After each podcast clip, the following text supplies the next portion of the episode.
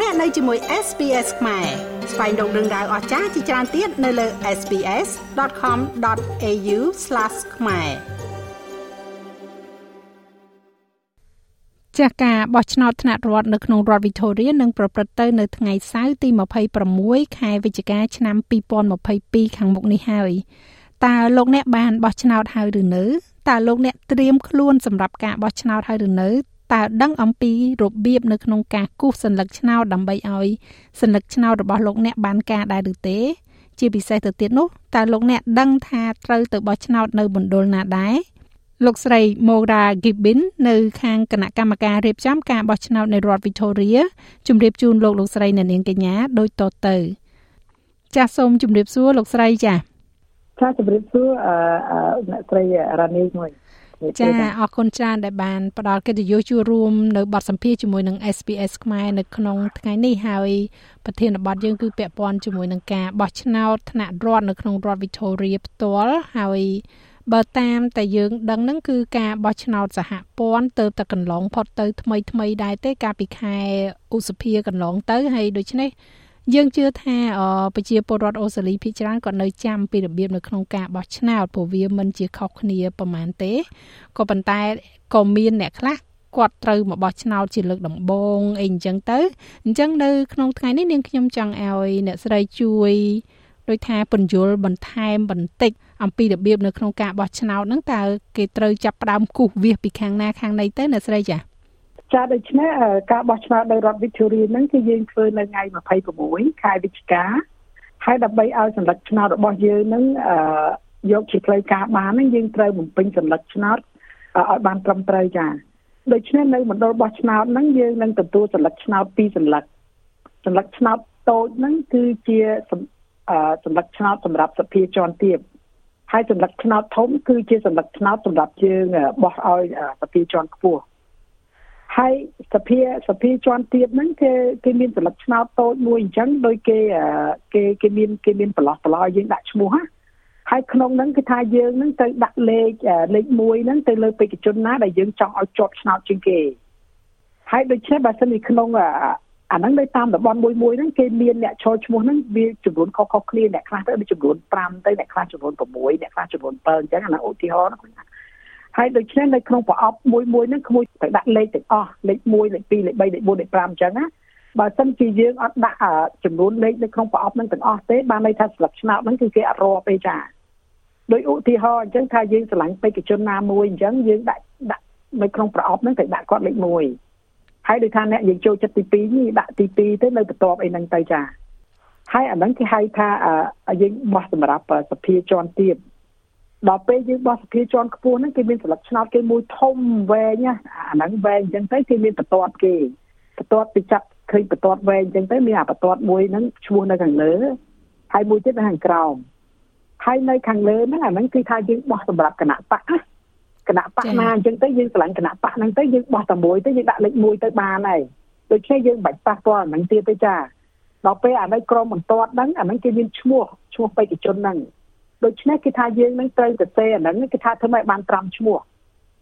នៅនៅនៅឥឡូវក្រមបន្ទាត់ហ្នឹងចាចាអឺអ្នកស្រីនាងខ្ញុំចង់សូមបញ្ជាក់ត្រង់ចំណុច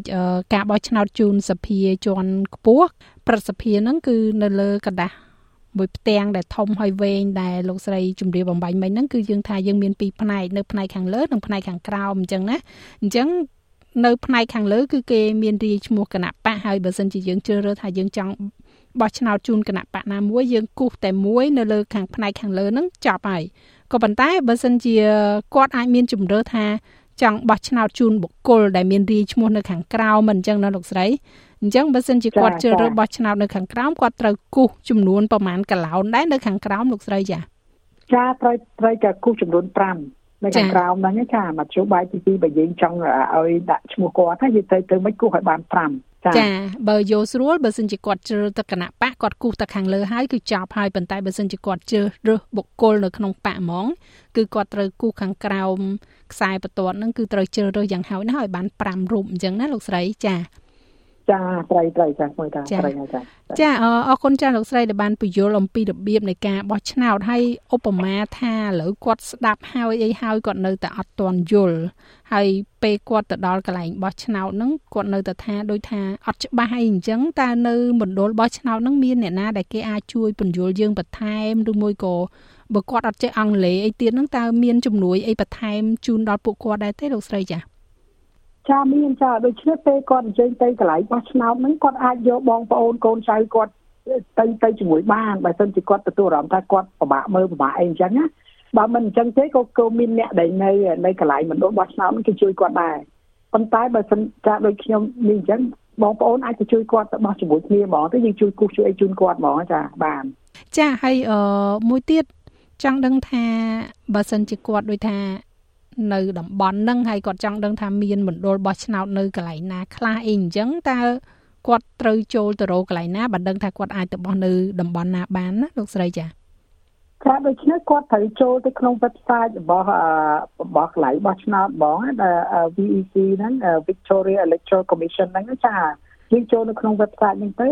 www. vec.vic.gov.au ហ្នឹងដល់ពេលយើងចូលទៅក្នុងហ្នឹងហើយយើងคลิกមួយទៀតអាមួយដែលចូលទៅហ្នឹងគឺ website មួយទៀតហ្នឹង map maps.vec.vic.gov.au/election ព្រោះទៅគាត់គាត់សរសេរ address គាត់នៅហ្នឹងទៅសរសេរ address គាត់ហ្នឹងទៅអាហ្នឹងគេប្រាប់យើងថាគាត់ត្រូវទៅបោះឆ្នោតនៅកន្លែងណាកន្លែងហ្នឹងចាបើបើបើ បើសិនជាគាត់ពិបាកក្នុងការរកកន្លែងបោះឆ្នោតហ្នឹងគាត់អាចទូរស័ព្ទទៅអ្នកបកប្រែគេបានដែរក្មួយរនីដូច្នេះទូរស័ព្ទសម្រាប់យើងតាក់ទងហ្នឹងគឺលេខ9លេខ2លេខ0លេខ9លេខ0លេខ1លេខ9និងលេខ2ចាដូច្នេះគេមានអ្នកបកប្រែគេចាំទទួលយើងនឹងហ្មងចា ចានិយាយទៅបើគាត់អត់ចេះឡើងលើ website ឆែកទេយល់ល្អហ្នឹងក៏គ្រាន់តែទូរស័ព្ទទៅលេខដែល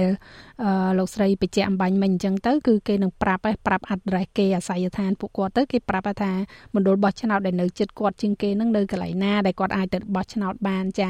ហើយអឺចំណុចមួយទៀតពេលដែលគាត់ទៅបោះឆ្នោតហ្នឹងគាត់ត្រូវយកអត្តសញ្ញាណប័ណ្ណឬក៏យកប័ណ្ណសម្គាល់ខ្លួនអីខ្លះទៅជាមួយលោកស្រីចា ចាដូច្នេះគាត់ត្រូវយកតសញ្ញាណប័ណ្ណណាដែលមាន address ផ្ទះរបស់យើងណាដូចជាអ្នកខ្លះអញ្ចឹងគាត់មានអា Centrelink card ហ្នឹងគាត់អាចគាត់អាចយកទៅជាមួយគាត់បានដែរគឺ passport driving license pension card ហ្នឹងគាត់ប្រើអា card ណាដែលគេបញ្ជាក់ address របស់គាត់ប៉ុណ្្នឹងទៅបានទេចាចាឲ្យលោកស្រីចំណុចចុងក្រោយមួយទៀតឧបមាថានៅអំឡុងពេលបោះឆ្នោតនឹងដឹងថា អ្នកដែលរវល់នៅចំថ្ងៃបោះឆ្នោតគាត់អាចទៅបោះឆ្នោតមុនបានឬក៏គាត់អាចទៅបោះឆ្នោតតាមប្រៃសណីបានក៏ប៉ុន្តែសម្រាប់អ្នកខ្លះគាត់ដូចថាគាត់អត់មានបាននៅក្នុងប្រទេសអូស្ត្រាលីឬក៏នៅក្នុងរដ្ឋ Victoria នឹងក្នុងពេញអំឡុងពេលបោះឆ្នោតនឹងតែម្ដងណាហើយអញ្ចឹងតើគាត់អាចមានវិធីអីបោះឆ្នោតបានដែរទេលោកស្រីចា៎ចាអឺដោយលោកស្រីរ៉ានីមានសារអញ្ចឹងតាមពិតយើងអាចគេអាចបោះគេហៅ early vote early vote គេបើក polling station នឹង ច្រើនដែរប៉ុន្តែបើសិនជាបោះថ្ងៃចំថ្ងៃបោះឆ្នោតថ្ងៃ26ហ្នឹងបងមកថាឥឡូវនេះគាត់អញ្ជើញទៅស្រុកខ្មែរអញ្ជើញទៅស្រុកខ្មែរអញ្ចឹងគាត់នៅស្រុកខ្មែរអ្នកខ្លះគាត់ច្រឡំថាគាត់អាចទៅបោះនៅស្ថានទូតអូស្ត្រាលីនៅស្រុកខ្មែរបានណាប៉ុន្តែដោយសារអាហ្នឹងជា state Victorian ជា state election អញ្ចឹងគាត់បោះអត់បានទេពីព្រោះនៅតាមស្ថានទូតនៅប្រទេសនីមួយៗហ្នឹងគេសម្រាប់ថាដូចជា federal election ហ្នឹងបានគេរៀបចំ អញ្ចឹងយើងមាន form មួយគេមាន form មួយអញ្ចឹងយើងផ្ញើទៅជូនគាត់តាម email អញ្ចឹងទៅឲ្យគាត់បំពេញ form ទៅគាត់នៅស្រុកខ្មែរឬគាត់នៅណាអីណាអញ្ចឹងទៅហើយគាត់អាចផ្ញើ email ត្រឡប់មកគេវិញនៅក្នុង form ហ្នឹងគេ